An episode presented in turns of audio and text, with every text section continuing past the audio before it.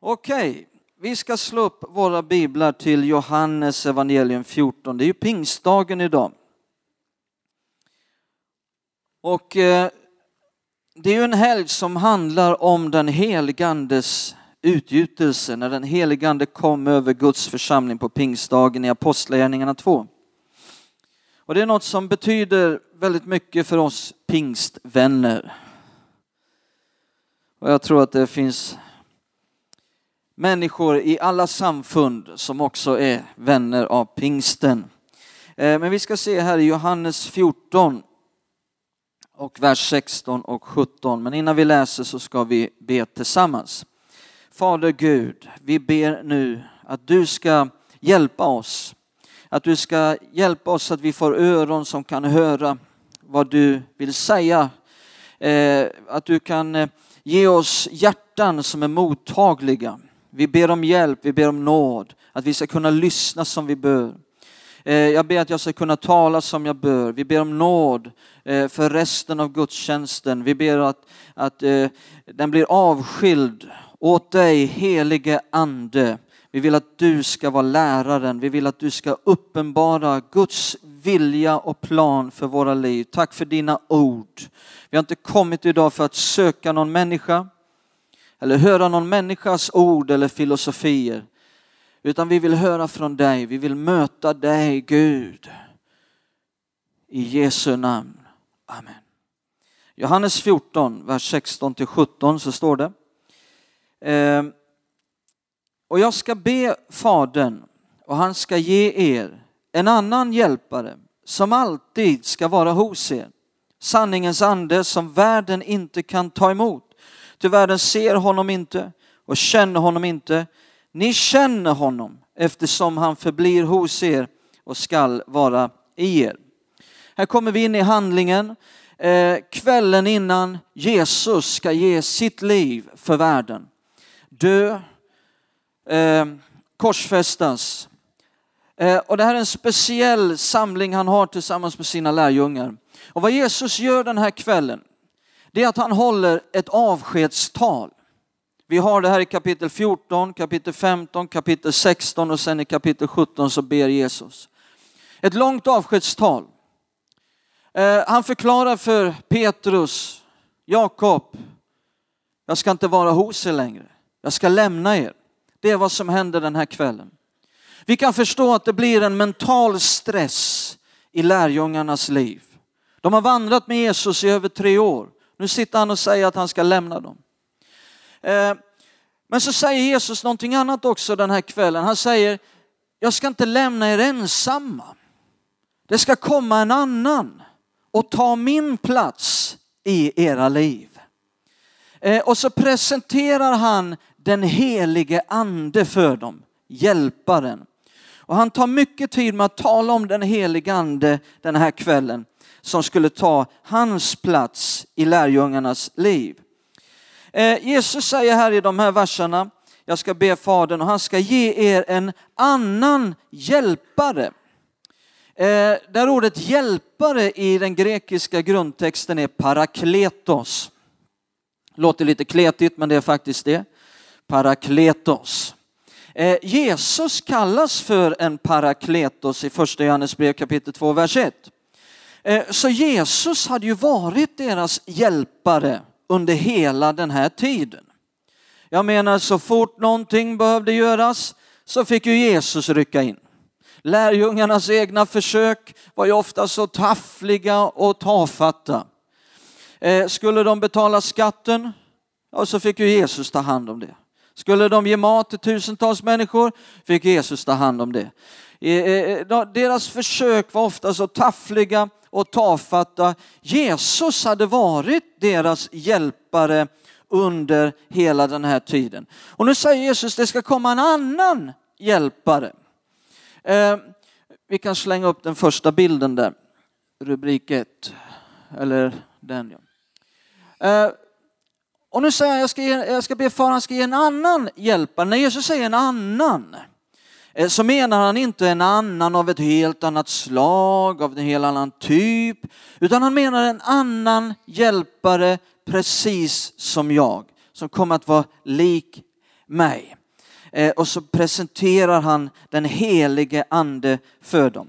Och sen, sen säger han någonting som jag tror överraskade lärjungarna. Han säger i vers 17 här, sanningens ande som världen inte kan ta emot, i världen ser honom inte och känner honom inte. Och så säger han, ni känner honom. Han som nu ska komma och ta min plats i era liv, ni känner honom redan. Hur kunde det vara att de redan kände den helige ande? Jo, Jesus förklarar i, i, i, i, i meningen här, eftersom, ni känner honom eftersom han förblir hos er. Det här ordet förblir är, är, är bra översatt men, men det finns, eh, man kan också översätta det här grekiska ordet med bor. Och då förstår vi det lite bättre. Jesus säger, ni känner honom redan för han bor hos er. Det var därför de kände den helige ande redan, för han bodde redan hos dem. Hur kunde det vara att den helige ande redan bodde hos dem? Ja, för att Jesus bodde hos dem. Och den helige ande var i Jesus, den helige ande var över Jesus.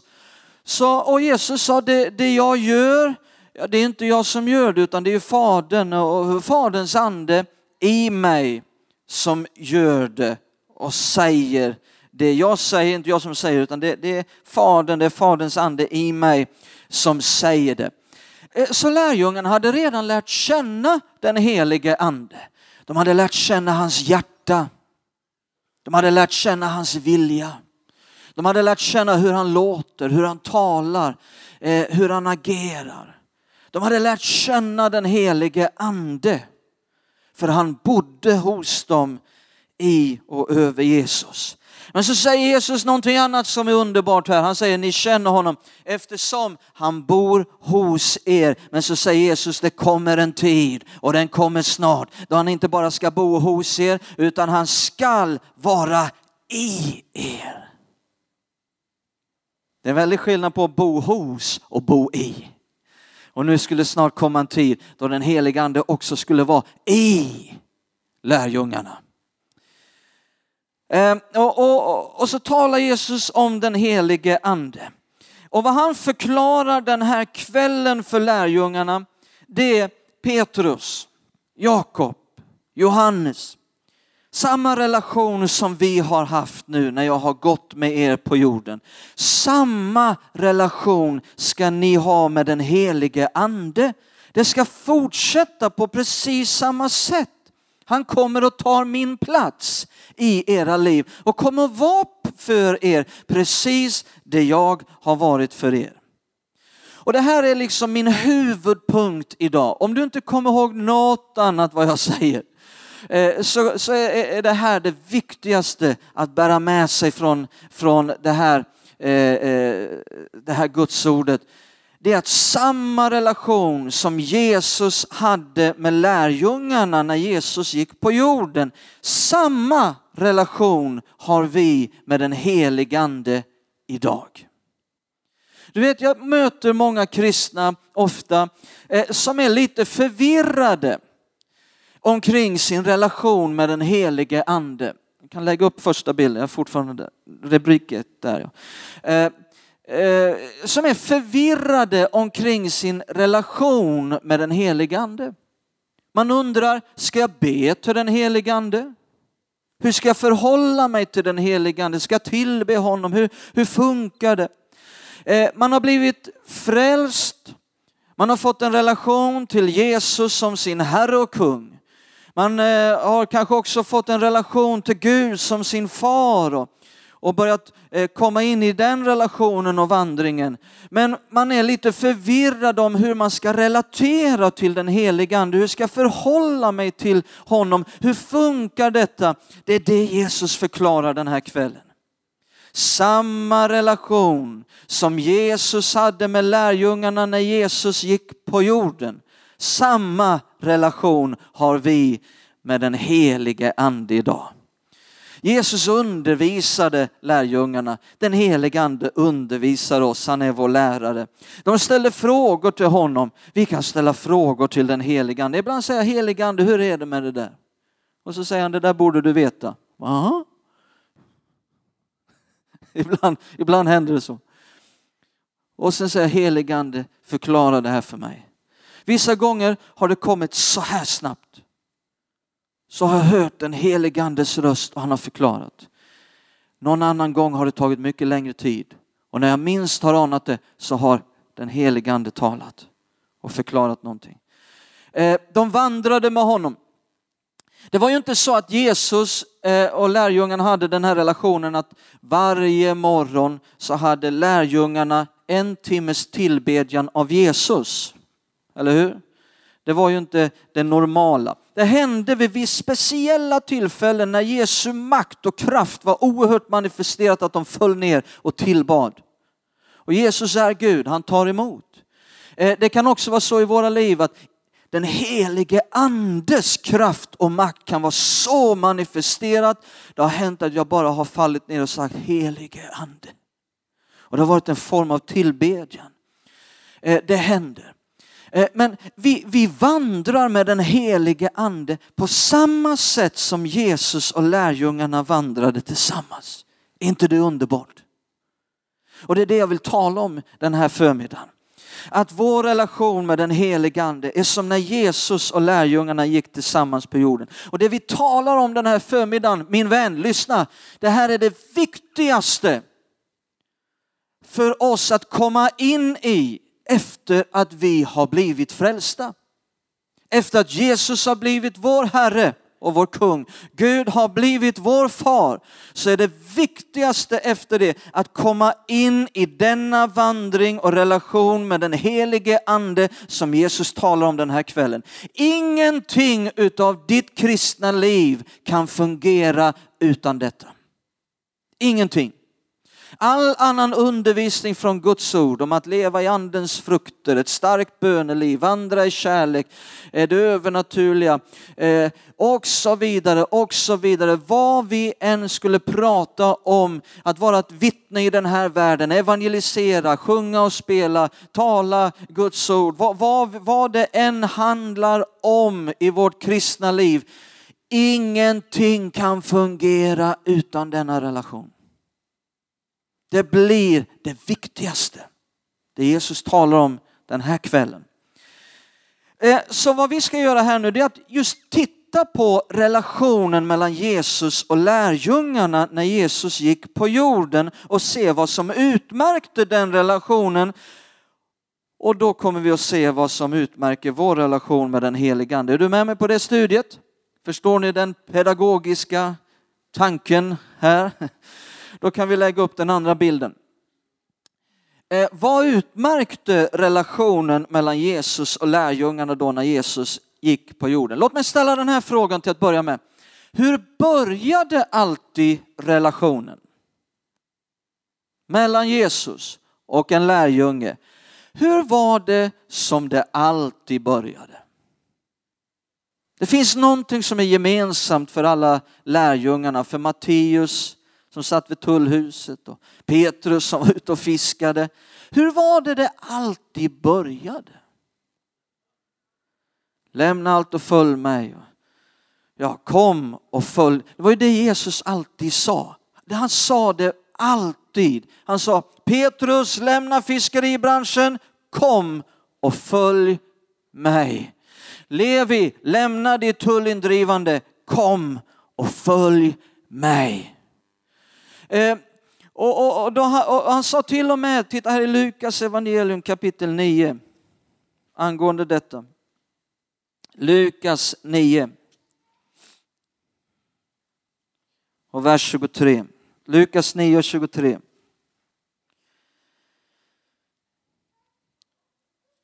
Lukas 9 och 23. Sedan sa han till alla. Hur många inkluderar alla? Ja, både dig och mig. Sedan sa han till alla, om någon vill följa mig skall han förneka sig själv och varje dag, kan alla säga varje dag? Ta sitt kors och så följa mig. Det finns inget annat sätt att följa Jesus än varje dag. Eh, då hade det inte funkat om Petrus hade ensvarat med att säga, ja Jesus, ett par, tre dagar i månaden. När jag har lite tråkigt, när jag inte riktigt vet vad jag ska göra, när jag är trött på svärmor och vill komma undan lite grann. Och, eh, då ska jag komma och sitta ner och lyssna på vad du har att säga. Och ett par, tre dagar i månaden och sen ska jag återvända till Kapernaum och försöka göra det som du säger. Nej, det hade inte fungerat om Petrus hade ensvarat på det sättet. Tvärtom, lärjungarna, det står någonstans i, i Uppenbarelseboken hur, hur man följde lammet vart helst lammet gick. Och så var det för lärjungarna. De fixerade sin blick, de fokuserade sina hjärtan och sen följde de Jesus vart helst Jesus gick. Samma relation som Jesus hade med lärjungarna när Jesus gick på jorden, samma relation har vi med den heligande idag. Och jag kan höra den heligandes röst här i Pingstkyrkan idag, denna pingstdag. Jag kan höra den heligandes röst över hela Sverige, hur han säger kom och följ mig. Kom och följ mig. Kom och följ mig. Många kristna säger kom helig ande. Det är ofta ett vanligt uttryck. Man kan fråga sig hur bibliskt det är. Vill jag få er att tänka till lite grann. Var står det i Bibeln någonstans? Att vi ska be kom helig ande. Ungefär som om vi ska tänka oss att han, är han där ute och ska komma in? Är han där uppe och ska komma ner? Nej, jag har goda nyheter för oss idag. Den helige ande kom för 2000 år sedan. Halleluja! Då blev han utgjuten över Guds församling. Och efter det så är han i Guds församling. Jesus sa han ska aldrig lämna er. Är inte det goda nyheter? Vi läste det här, ska aldrig någonsin lämna er. Det måste betyda att han är här. Han är inte där ute och ska komma in eller där uppe och ska komma ner. Han har redan fallit över Guds församling och därefter kan man fråga sig hur bibliskt det är för en församling att be kom helig ande. Vad gjorde de det i apostlagärningarna? Nej, de levde utifrån en tro att han redan var där och sen följde de honom. Det är inte vi som säger kom helig ande, nej det är han som säger nej kom du och följ mig. Hallå? Sen har varje människa en personlig upplevelse utav den helige andes fallande och det kallas för dopet i den helige ande. Och tack och lov för detta dop i helig ande som ger oss kraft till att vara vittnen för Guds rike. Och när vi har upplevt dopet i den helige ande så kan man fråga sig hur bibliskt det är för en kristen att därefter säga helig ande fall över mig. Nej, därefter händer det här som Paulus talar om. Blås liv på elden, sa han till Timoteus.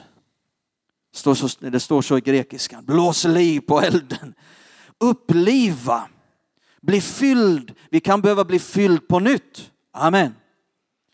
Men just det här att vi behöver inte längre efter det leva med en tanke att nu är den helige ande plötsligt där ute. Kom helig, nej det är inte vi som säger kom helig ande, det är han som säger nej kom du. Och du vet ibland kan vi få för oss om det blir riktigt härligt i en gudstjänst eller riktigt härligt i en hemgrupp så kanske vi säger nu föll den helige ande. Nej, nej, det var bara det att vi började följa honom. Hallå? Det är enda skillnaden. Vi följde honom i gudstjänsten. Vi följde honom i hemgruppen. Han var där hela tiden. Det var bara det att vi fick för oss att vi skulle följa honom. Är du med? Och då fyller Guds härlighet sammankomsten. Då upplever vi himmel på jord plötsligt. Men det är inte för att han kom in eller kom ner, det var att vi började följa honom, bli känsliga för vad han ville göra. Är ni med? Det är så de gjorde i apostlagärningarna hela tiden. Den helige ande säger kom och följ mig. Vilket erbjudande. Eh, vad mer utmärkte relationen mellan Jesus och lärjungarna när Jesus gick på jorden? Jo, en annan sak, nummer två, är ju att det intressanta var aldrig vad lärjungarna skulle göra. Har du tänkt på det? Det intressanta var vad Jesus skulle göra. Jag bara tänker in i detta. Jag menar, varje morgon när Petrus vaknade så tänkte inte han det första han gjorde, undra vad Thomas ska göra idag. Nej, han undrar, alltså, jag är säker på att de undrar, vad ska Jesus göra idag? Vilka sjuka ska han bota idag? Vilka ska han befria från onda andemakter idag? Vilka mäktiga kraftgärningar ska han göra idag? Vilka mäktiga predikningar ska han predika för folket idag? Vilka mäktiga undervisningar ska han tala in i våra liv idag? Vilka mäktiga böner ska han be idag? Det står att de lyssnade noga när han bad och de sa Jesus lär oss att be som du ber. De vaknade, jag menar med en otrolig glädje, entusiasm. Nästan som Mr Bean på julafton, har ni sett det någon gång? Jag menar ett mer hysteriskt vaknande, det får man ju leta efter. Ni märker att jag gillar Mr Bean. När han vaknar, liksom klockan ringer, dang, julafton, han hoppar upp och säger liksom, Helt exalterad över att det var julafton. Jag tror att hade jag varit med lärjungarna när Jesus gick på jorden, jag hade vaknat på det sättet. Liksom. Ännu en dag med Jesus. Det intressanta var inte vad lärjungarna skulle göra. Det enda som var intressant, vad ska Jesus göra? Och vet du vad? Samma relation som Jesus hade med lärjungarna när Jesus gick på jorden, samma relation har vi med den helige ande idag. Vi kan få vakna på morgnarna min vän. Med en glädje, med en entusiasm och undra, vad ska den helige ande göra idag? Vilka sjuka ska han bota idag? Vilka ska han befria från mörka makter idag? Vilka mäktiga kraftgärningar ska han göra idag? Eh, vilka mäktiga predikningar ska han predika idag? Vilka mäktiga undervisningar ska han tala in i mitt liv idag? Vilka mäktiga böner kommer han att be idag? På samma sätt som det var Jesus då som botade de sjuka så är det idag den helige ande som botar de sjuka genom dig. Genom dig. På samma sätt som det var Jesus då som befriade människor så är det idag den helige ande som befriar människor genom dig. På samma sätt som det var Jesus då som predikade de mäktiga predikningarna, som höll de mäktiga undervisningarna, som var vittnet för Guds rike, så är det idag den heliga ande som måste vara den som predikar som undervisar, som är läraren genom dig, som är vittnet för Guds rike genom dig. På samma sätt som Jesus älskade människor och etablerade frid och glädje i människors liv som ingen annan. Så är det idag den helige ande som vill älska människor genom dig. Etablera frid och glädje i människors liv genom dig. Vet du vad? Det enda som är av värde för Guds rike är vad den helige ande gör. Hörde du vad jag sa? Jag sa att det enda som är av värde för Guds rike är vad den helige ande gör. Om inte han gör det så har det inget värde för Guds rike. Jesus sa, gå ut i hela världen, predika evangelium, bota de sjuka, driv ut onda andar. Ni ska göra allt det här stora och i nästa andetag sa han, gör ingenting. Stick inte ens ut näsan genom dörren. Petrus Spring inte händelserna i förväg. Vänta här i Jerusalem till dess ni blir klädda med kraft ifrån höjden. Samtidigt som han sa gå ut i hela världen så sa han gör ingenting. Gör ingenting. Det säger för oss hur mycket vi kan göra för Guds rike utan den helige Ande. Om den helige Ande inte verkar i en kyrka, då behöver vi låsa igen dörren, spika upp brädor, regla, hänga på kedjor, sätta upp varningsskyltar. Varning, den helige Ande verkar inte här. Förstår vi hur mycket vi behöver denna hjälpare och hur taffliga och tafatta våra egna försök är? Det var något man hade insett för strax över hundra år sedan. När en grupp människor i övre salen på baptistkyrkan här i Skövde av hela sitt hjärta sökte dopet i den helige Ande och blev döpta i den helige Ande. Och det var början och starten på denna församling. O att vi lyssnar på pionjärernas röster och deras hjärtan och är lika ivriga att få vara fyllda utav denna hjälpare. Jag minns vid ett tillfälle för många år sedan, kanske var mitten på 90-talet, jag hade en sån där dag som du kanske också har haft. Det kan komma en sån där dag ibland när man bara vill ge upp. Sluta, göra något annat, lägga av. Jag hade en sån där dag när jag tyckte att jag såg inte de segrar jag ville se. Jag tyckte mig inte kunna vara använd av Gud som jag ville. Och jag kände att allt bara var pest och pina och motigt och, och, och liksom jag bara tyckte synd om mig själv och jag satt på köksgolvet till slut och tyckte synd om mig själv. Har du varit där någon gång? Sitt nu inte där och se så oskyldig ut. Kom igen nu, hjälp mig lite här.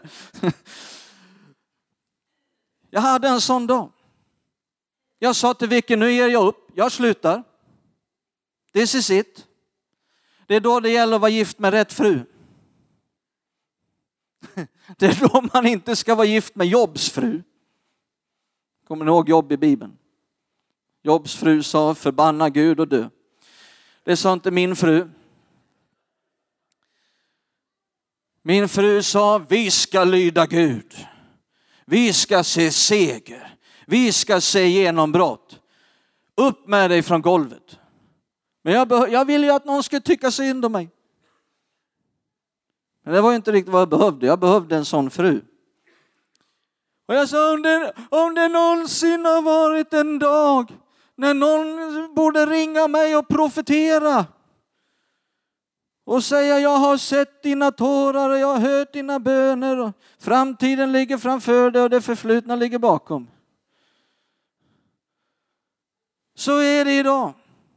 Någon, jag sa inte de sakerna, men jag sa om någon hade behövt liksom profetera över mig nu, det är idag. Någon behöver ringa mig och profetera nu. Då ringde telefonen.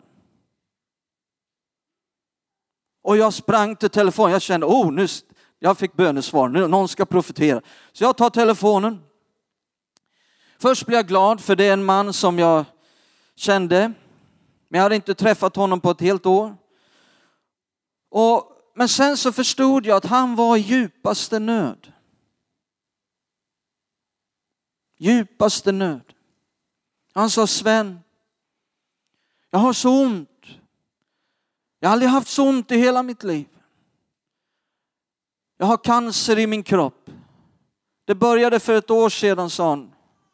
Med att läkarna konstaterar något på ena vänstra lungan stort som en golfboll. Det har vuxit till apelsinstorlek och det har spritt sig i kroppen och jag är döende. Läkarna har sagt till mig att jag har max en månad att leva. Jag är väldigt svag. Jag är väldigt matt. Han var idrottsman, han var cyklist. Han, brukade, han hade fruktansvärt bra kondition. Han sa, jag har inte kunnat göra någonting på en hel månad. Jag är helt utslagen. Och jag har så ont. De ville ge mig smärtstillande, sa han, men jag vill inte ta emot något. Och han sa, nu har jag bara stängt in mig själv. Jag stängde in mig själv. Jag, jag, vill inte, jag vill inte prata med någon, jag vill inte träffa någon. Och han sa, idag sa jag till Gud att nu går jag ner i källaren och lägger mig. Antingen helar du mig eller så dör jag här på den här soffan. Jag reser mig inte upp härifrån. Då talade Gud till mig, säger han, och sa ring Sven Bengtsson.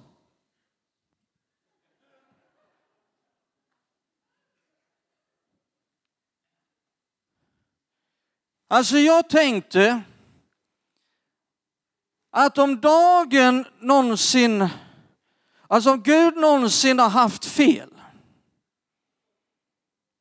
så är det idag. Jag vill ju inte dra ner honom mer. Men jag kände att jag ville nästan säga, vi dör tillsammans. Jag hade ingenting i mig, jag kände ingen kraft, ingen smörjelse som vi kallar det för. Liksom ingen, men jag ville inte dra ner honom mer. Han blev helt tyst sen. Han sa, när han hade sagt det blev han knäpptyst. Nu hade han gjort det som Gud sa att han skulle göra. Och jag kände bara hjälp. Jag ville inte dra ner honom mer så jag börjar citera några bibelställen, några löften. Ja, som Jesus sa, om två av er här på jorden kommer överens om något, vad det än är, så ska de få det av vår, far, av vår Fader som är i himlen. Jag sa, vi är två. Jesus, om två av er här på jorden. Vi är två. Vi är båda på jorden. Du är där där du är, jag är här där jag är. Och sen citerade jag några fler löften försökte få upp mina fötter på löftets mark, ge någon form av uppmuntran till honom. Men det kändes så torrt, så totalt kraftlöst. Och jag berättar hela storyn. Jag skulle kunna utelämna det här första så hade ni trott liksom att den där Sven, he's a man of faith and power. Men vi är väldigt hjälplösa i oss själva. Är du med? Och för att Gud ska få all ära. Ni vet var jag satt. Och så sa jag, nu ber vi tillsammans. Jag började be. Det kändes väldigt torrt, väldigt kraftlöst. Men plötsligt hände någonting. Jag vet inte hur jag ska förklara vad som hände med ett enda ögonblick. Så var det som om den heliga ande sa, få hit telefonluren. För han tog över. Någonting kom över mig i ett enda nu. Jag bara fylldes av en intensiv ilska och vrede. En del av mig kände att djävulen har ringt på fel dag. Jag kallar inte honom för djävulen. Liksom, men jag kände det. Om det sista jag gör, för jag ska ju sluta nu, jag ska ge upp. Och det sista jag ska göra det är att bara tumma ut all min vrede på djävulen. Ja, det var bara en del utav, men, men liksom en annan del på något vis hörsammade vad Gud ville göra. Men, men det fanns en annan del av mig, djupt in i min ande, så upplevde jag intensivt hur det fanns en närvaro utav en demonisk makt som orsakade denna cancer. Jag säger inte att alla sjuka eller alla cancersjuka har, har, är orsakat av en demon, absolut inte. Men i det här fallet upplevde jag det i min ande och upplevde att den dödens ande hade fått honom i sitt grepp. Och jag blev så vanvettigt ilsk med en helig vrede. På denna cancerdemon, på denna cancer som vill ta en 40-årig pappa från sin dyrbara hustru, en 40-årig pappa från sin 9-åriga dotter. Jag blev så vanvettigt fylld av en helig vrede över djävulens gärningar. Så jag röt, jag ska inte imitera det nu för då kommer jag skrämma er. Men jag röt i Jesu Kristi Nazarens namn. Du cancerdemon, du släpper ditt grepp om den mannen. Du dödens ande, du släpper ditt grepp om den mannen. Gå i Jesu namn. Och det var den milda versionen. Då börjar han skrika. Och det ska jag definitivt inte imitera. Då blev ni jätterädda. Han skrek för full hals. Sven! Sven! Det fungerar! Det fungerar! Jag, blir, jag har blivit frisk! Sven! Nu kan jag andas normalt. Han hade jättesvårt att andas tidigare. Han, liksom, eh, han liksom hade väldigt svårt att andas och prata överhuvudtaget. Alltså nu, och så drog han djupa andetag. Och sen skrek Sven, det fungerar! Jag blir helad, jag blir helad! Nu har jag inte ont längre, skrek han.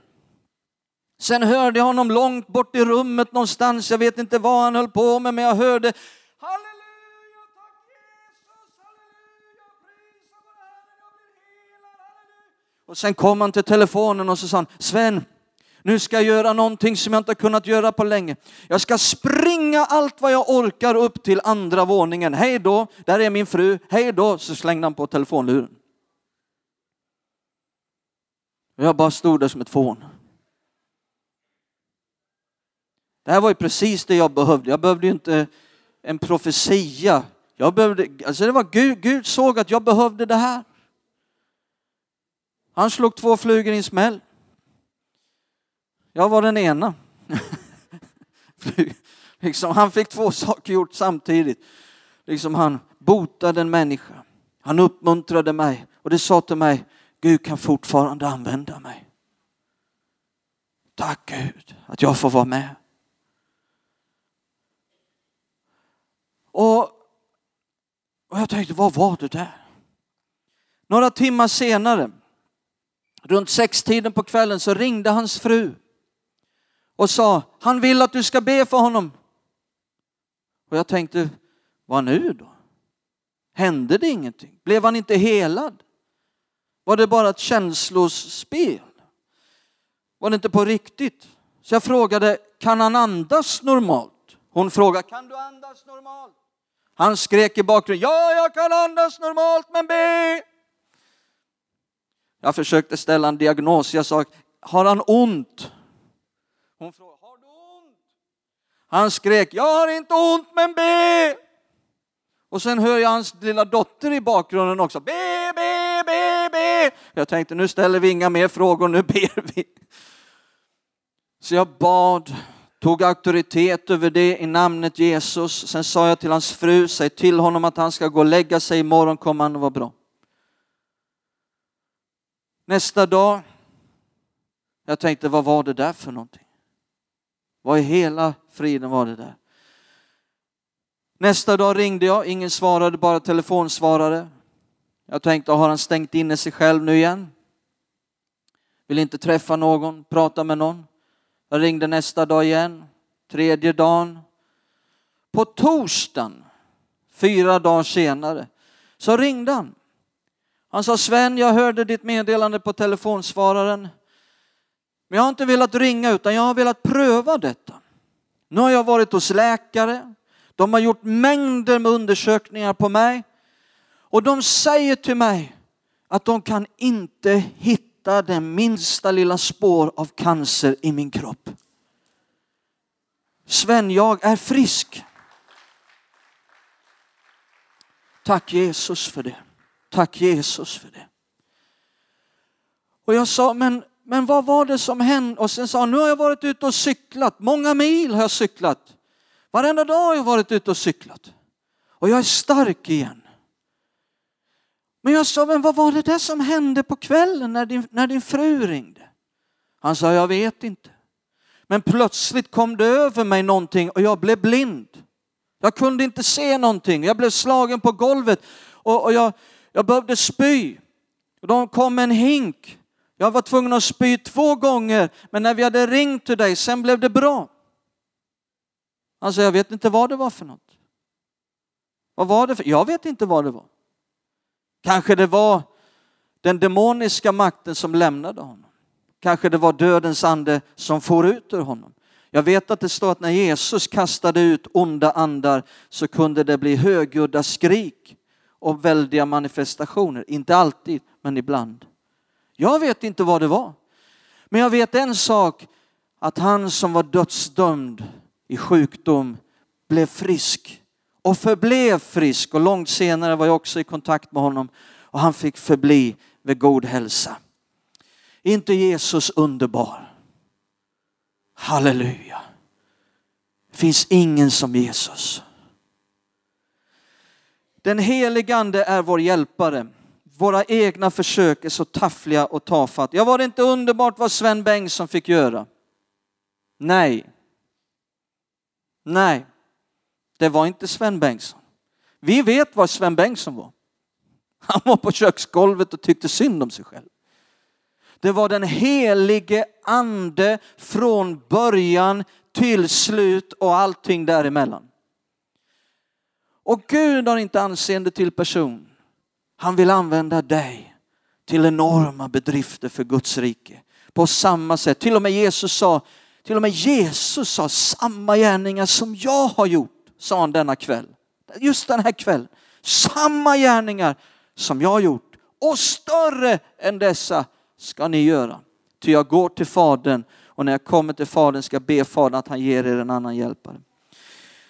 Och då ser en sista punkt här i Romarbrevet 8, vers 13 och 14. Romarbrevet 8, 13 och 14.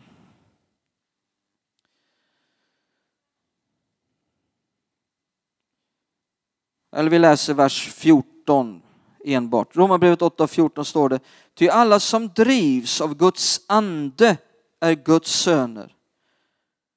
Andra översättningar säger till alla som leds, leds av Guds ande är Guds barn. Så alla Guds barn kan, bli, kan förvänta sig att vara ledda av Guds ande. Vi kan slänga upp den sista rubrikbilden. Eh, samma relation som Jesus hade med lärjungarna när Jesus gick på jorden, samma relation har vi med den helige ande idag. Eh, och om man, om man tittar på eh, Jesus och lärjungarna så kunde det kanske hända att Jesus sa, låt oss gå till Jeriko. Om Petrus då hade sagt, nej Jesus, jag gillar inte Jeriko. Jag har gillat Jeriko. Jag tycker bättre om Kapernaum. Jag går till Kapernaum. Det är säkert bra för dem i Jeriko att du går dit. Går du dit, men jag går till Kapernaum. Vi ses om en månad i Jerusalem Jesus. Hej då Jesus! Och så går Petrus till Kapernaum och Jesus till Jeriko. Nu hände ju inte det, men låt säga att, att, att, att det hade hänt. Låt mig fråga, hur mycket inflytande och påverkan hade då Jesus haft på Petrus liv? Om Jesus hade varit i Jeriko och Petrus i Kapernaum? Inget. Jesus hade inte haft något inflytande eller någon påverkan på Petrus. Och vad är det här en bild på? Jo, ofta säger den helige ande, här går vägen. Är du med mig? Här går vägen. Och nu talar jag inte om de stora livsbesluten. Ska jag gifta mig med henne eller ska jag gifta mig med henne? Ska jag flytta dit eller flytta dit? Nej, jag talar om det som händer varje dag. Hur den helige ande viskar i våra hjärtan. Här går vägen. Gå inte dit, gå här. Säg inte det här, säg det här. Gör inte det där, gör det här. Känner ni igen det? Alla frälsta har det här. Den här milda, nådefyllda, kärleksfulla rösten som viskar i vårt inre, som manar oss. Här går vägen, den andliga vägen, livets smala väg. Men så ofta kommer vårt eget tyckande till tals. Eller vår egen vilja. Eller våra egna känslor. Som säger, nej men jag gillar inte den vägen, jag går här istället. Här går jag. Om då detta får pågå under lång tid och den heliga ande går där, men du går här under väldigt lång tid. Vad kommer till slut att inträffa? Jo, du är bildligt talat i Kapernaum och bildligt talat är den heliga ande i Jeriko. Och hur mycket inflytande och hur mycket påverkan kommer då den heliga ande att ha på ditt liv? Inget. Varje steg i olydnad för den lilla stilla rösten gör att du blir mindre känslig. Varje steg i lydnad för den lilla stilla rösten gör att du blir mer och mer känslig. Så att du till sist kan alltid uppfatta ett ja eller ett nej från den heliga ande när du behöver veta hans ledning. Väldigt kortfattat, Nya testamentets undervisning om att följa den heliga Ande. Många kristna säger, jag kan inte höra Gud. Jag säger, du hör honom varje dag. Hör jag? Ja, varje dag så förklarar man. Eh, du hör honom varje dag. Eh, många kristna kan känna det är så svårt att följa, den, eh, följa liksom vara ledd av Gud. Nej, det är inte så svårt. För att det, det som jag skrivit här, var ledd av den helige Ande genom att följa honom. Hur ska jag vara ledd av den helige Ande? Följ honom. Hallå? Ja, men det låter lite för enkelt. Ja, men det är så. Hur kan jag bli ledd av den helige Ande? Följ honom. Om jag ska leda Daniel här, han sitter och säger Sven, led mig, led mig, led mig. Ja, kom då. Och där ser ni, han följde mig direkt. Man blir ledd genom att följa. Eh, men om han bara sitter där och säger led mig, led mig, led mig. Jag säger ja, kom och följ mig. Och så går jag. Han sitter kvar där och säger led mig, led mig, led mig. Det handlar om ett följande. Det handlar om att, om att lyssna på den här lilla stilla rösten som jag tror att varje kristen vet vad jag talar om. Att vara noggrann att följa den rösten. Då kommer du att bli mer och mer känslig för varje dag som går. Men problemet är att många kristna vill bara höra den röst som dirigerar, inte den röst som korrigerar. Många kristna vill bara välja när de ska vara ledda av den helige Ande. När det passar sig att vara ledd av den helige Ande. Ungefär som om vi skulle säga, ja helige Ande, två, tre dagar i månaden. När jag inte har något annat för mig. När jag tycker att det är lite tråkigt. När jag är trött på svärmor och vill komma undan. Då ska jag komma och lyssna till dig heligande. Sen ska jag återvända till mitt liv och försöka göra det. Nej, vad sa Jesus om någon? Vad sa han? Vad sa Jesus i Lukas 9.23? Vi läste det. Om någon vill följa mig så tager han sitt kors på sig varje dag. Precis. Kan alla säga varje dag? Varje dag.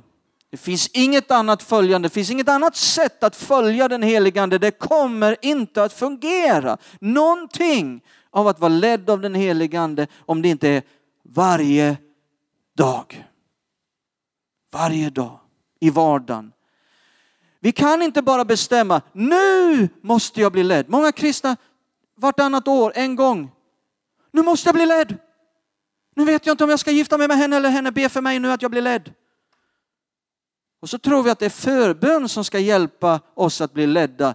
Det är väldigt sällan förbön som hjälper. Det som hjälper dig är Nya Testamentets undervisning om hur du följer den helige Ande.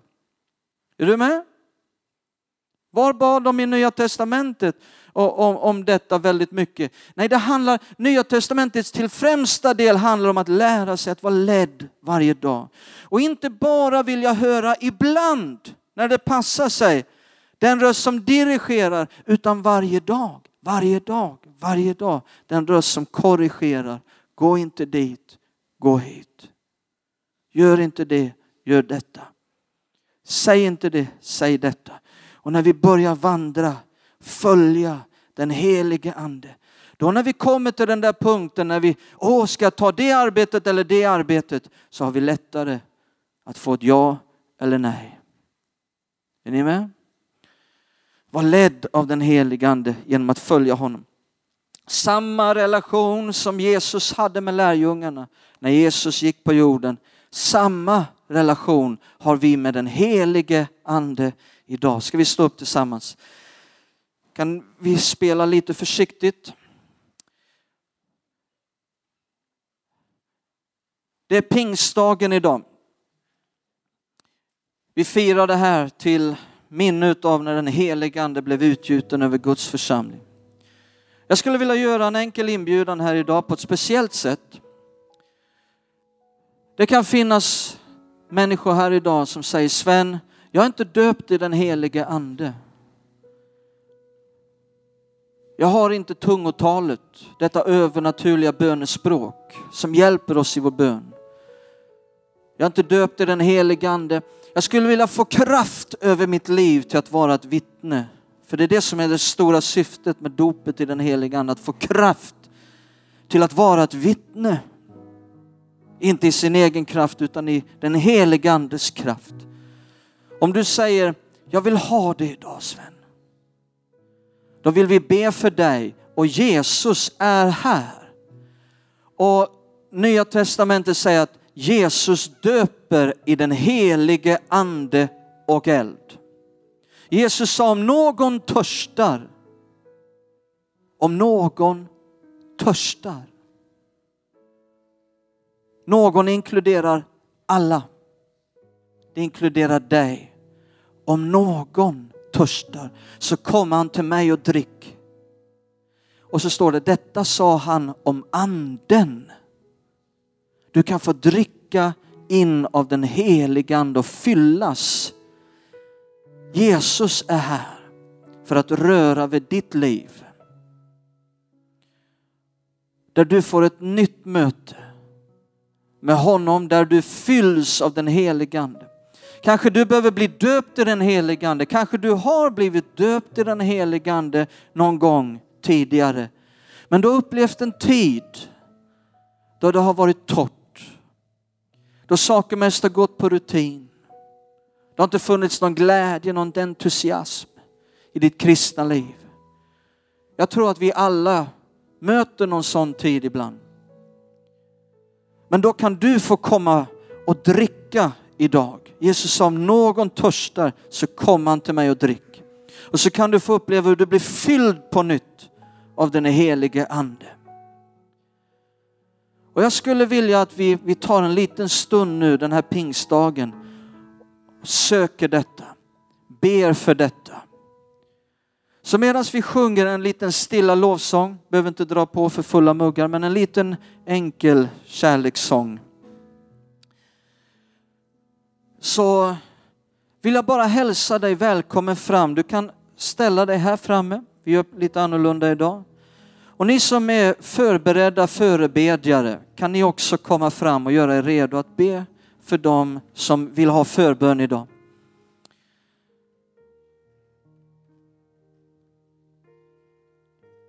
Och om det behövs så vill jag också be äldste och hemgruppsledare att också vara lite redo att be för varje människa som vill ha förbön idag.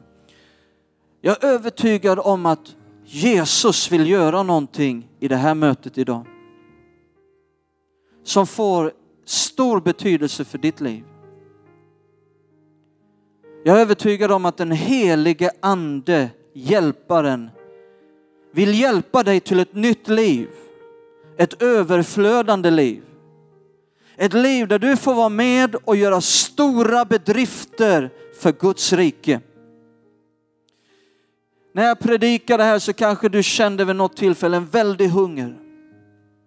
Att just få vara med och se Guds rike bredas ut. Var med och göra Jesu gärningar med kraft.